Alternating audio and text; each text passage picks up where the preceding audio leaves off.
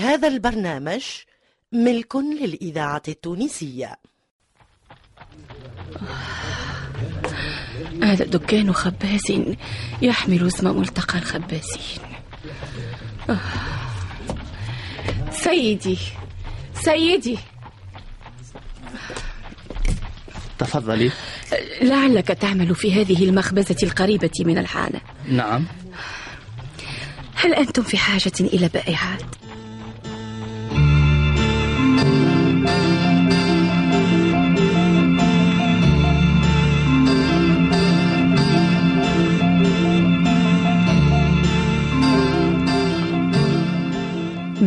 الخبز.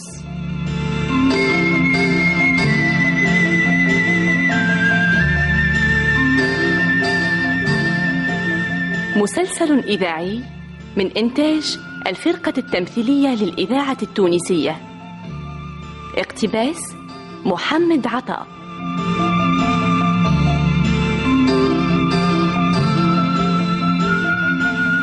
بطولة خديجة بن عرفة صالح الرحموني. عبد الوهاب المصمودي.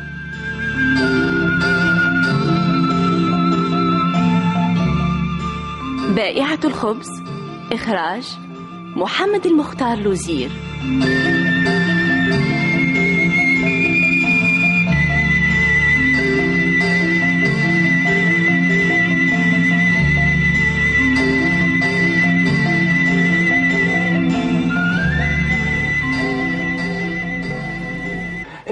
الشرطة اقتحم باب الحديقة ومعه بعض الأعوام. يا إلهي وقعت في المحظور يا ابنتي. أمي أمي ممن أنت خائفة؟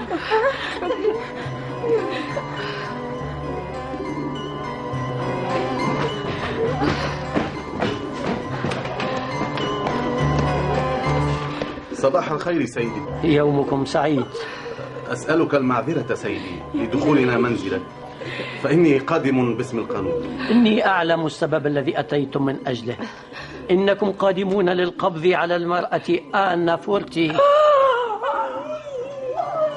لا شك أنها المرأة التي تراجعت إلى الوراء نعم نعم ولكن إنها متهمة بثلاث جرائم الحرق والسرقة والقتل والرابعة الفرار. ذلك كذب وافتراء. إني بريئة بريئة بريئة ليس من شأن الحكم لك أو عليك. فإن ذلك من حق القضاة هيا اقبضوا عليها. يا إلهي. ليقبضوا علي. وليزجوا بي في غياهب السجون. وليحكموا علي بالأعدام ولكني بريئة. بريئة. كل ذلك لن ينفي براءتي أمام نفسي وأمام الله. أوثقوا يديها إني بريئة. لا لا لا كلا كلا. لا أريد أن أكون مبسوطة اليدين. كلا. لا تقاومي يا ابنتي. لا تقاومي يا ابنتي وامتثلي للقانون. لا لا. أمي يا لا لا لا لا تبكي لا تبكي يا بني. لا تبكي. تعال معي تعال. إنه لا يذهب معك. آه. هيا. أتفرقونني عن طفلي الصغير لا لا لا أرضى بذلك. صدر لا. إلي الأمر بالقبض عليك وحدك. ويذهب إلى ملجأ الأطفال. يا إلى أن تصدر أوامر أخرى. ولدي سيذهب إلى ملجأ الأطفال. لا لا. ألتمس منك سيدي الكريم أن تتوسط لي أن تخبر هؤلاء بأنه يستحيل على الأم أن تفارق فلذة كبدها سيدي أتوسل إليك. لا تخشي على ولدك يا بنيتي. فإنه لن يذهب إلى الملجأ. سأبقيه عندي إلى أن تثبت براءتك كما أتمنى.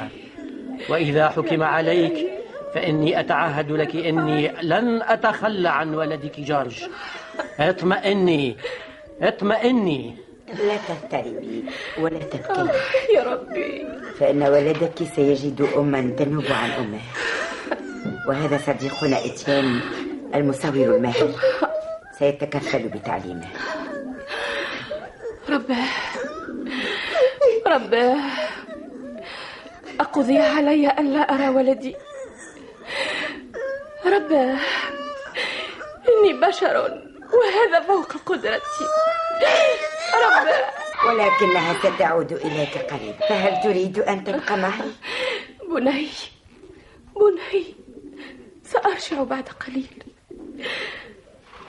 رجائي أن تحبوه وأن تذكروا له دائما أمه.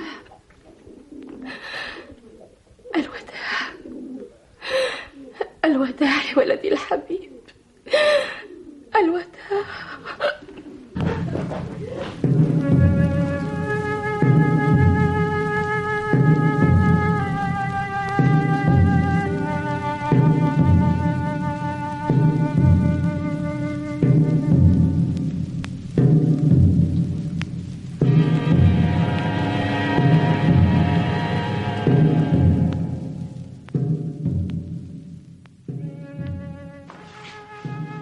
أنت آن فورتي؟ نعم.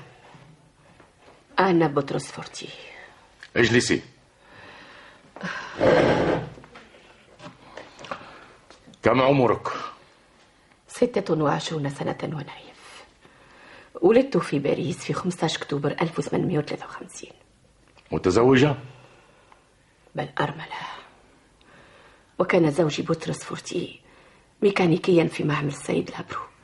الذي يتهمونني بإحراق معمله وقتل صاحبه وسرقته إذا أنت على علم بما يتهمونك? فبماذا تجيبين؟ إني بريئة إذا كنت بريئة كما تقولين فلماذا هربت من المعمل بدلا من أن تستنجدي عندما شبت النار؟ ما بالك لا تجيبين؟ وأية فائدة من الجواب؟ فإنك لا تثق بصدق يا سيدي القاضي. ذلك لأنك ستكذبين. كلا بل لأن الحقيقة غير واضحة وكل الأدلة ضدي الإذاعة تنكرين أنك قتلت صاحب المعمل الحية. كل الإنكار. مم. تنكرين أيضا أنك كنت تكرهينه ولماذا أكرهه؟ هم. لأنه طردك. كلا سيدي القاضي. إنه لم يطردني ولكنه قال لي إني لا أصلح لحراسة المعمل وأنه سيعينني في منصب آخر. أوه. ألم تحقدي عليه بسبب موت زوجك في معمله؟ سيدي القاضي كيف أحقد عليه بسبب موت لم يكن عليه شيء من التبعة فيه؟ كيف؟ وفوق ذلك فإن السيد لابرو كان لي خير نصير. وخير معين بعد وفاة زوجي. أتنكرين أيضا أنك أحرقت المعمل؟ أنكر الإحراق كما أنكر القتل.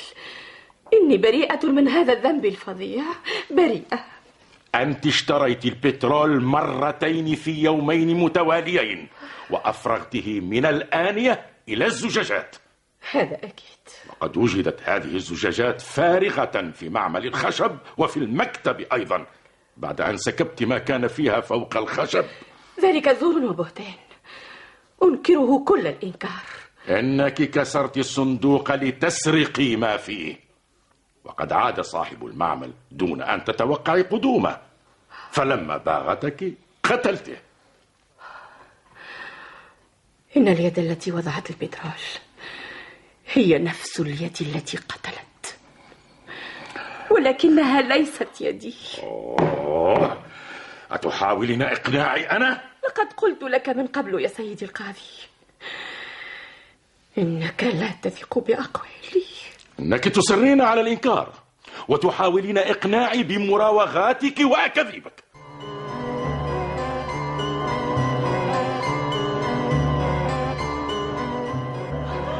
أقسم لكم أني بريئة فيما حدث من الأجدى لك الاعتراف.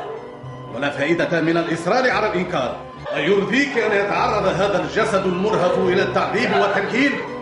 هيا تكلمي تلك هي الحقيقة التي صرحت لكم بها من أول يوم إني بريئة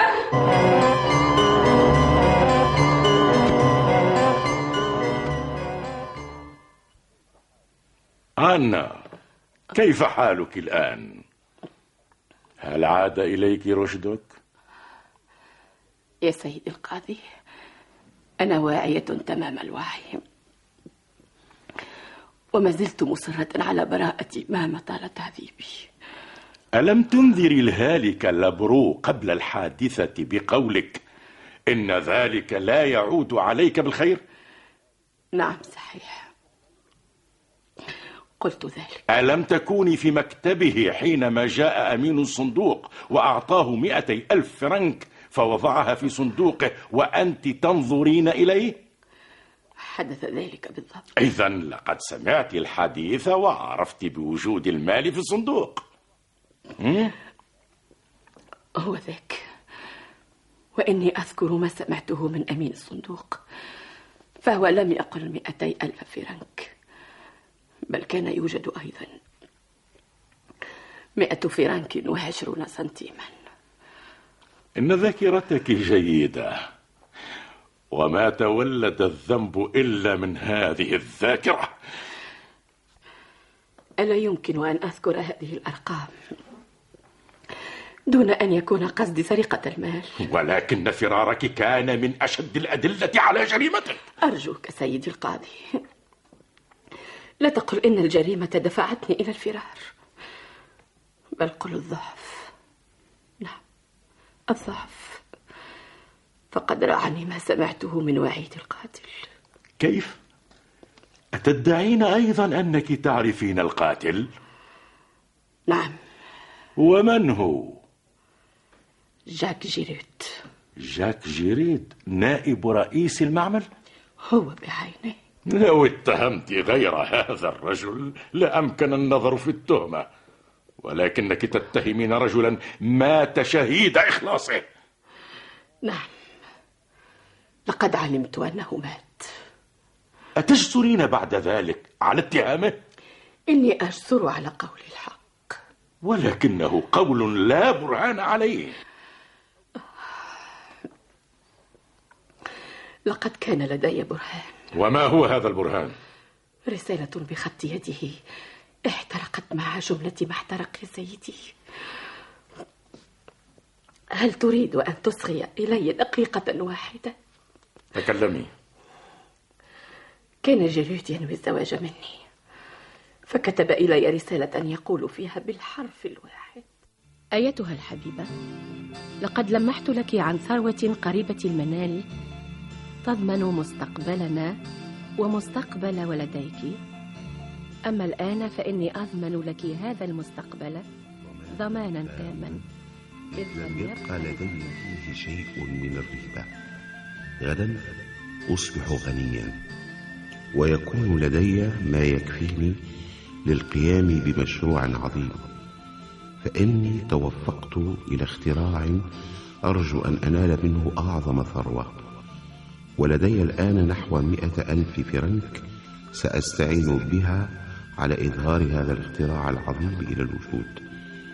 تمعني يا أن بمستقبل ولديك واعلمي أني أنتظرك في الساعة الحادية عشرة من هذا المساء مع ولدك جورج عند جسر شارلتون فأذهب بكما إلى محل الإذاعة التونسية نسافر منه غدا إلى البلاد الأجنبية حيث نلقى الثروة والسعادة.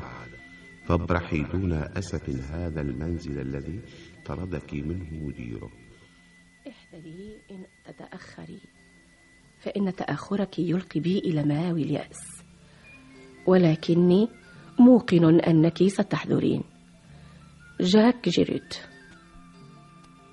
وهذا هو البرهان الذي احترق إن من يرتكب مثل جرائمك لا يعجز عن خلق تمثيلية خيالية مثل هذا. ثم إني أعجب كذلك. كيف أنك تقولين إن صاحب المعمل كان محسنا إليك ثم ترين رجلا يقتله في معمله المحترق فلا تمدين يدا لنجدته ولا تستغيثين. ولكنك قلت في نفسك إن جيريود قد مات.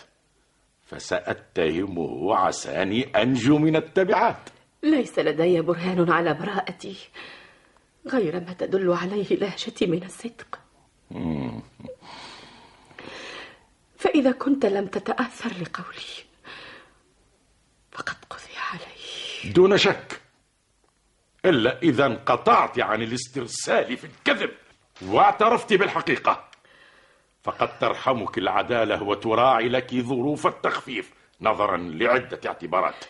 لا أستطيع أن أعترف بجريمة لم أرتكبها. طيب. ألك ما تزيدين على أقوالك السابقة؟ لا شيء. إذا سأتلو عليك المحضر كي توقعي عليه. تفضل سيدي.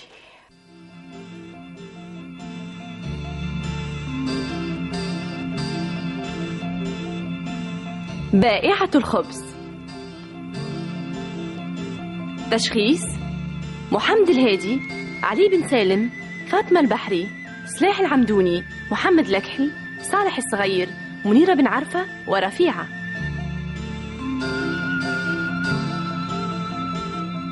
ساعد في الإخراج البشير بالطيب وأنور العياشي. توظيب الإنتاج المنصف بالعربية. هندسة الصوت عبد المنعم المهيري وصالح السفاري بائعة الخبز مسلسل إذاعي من إخراج محمد المختار لوزير.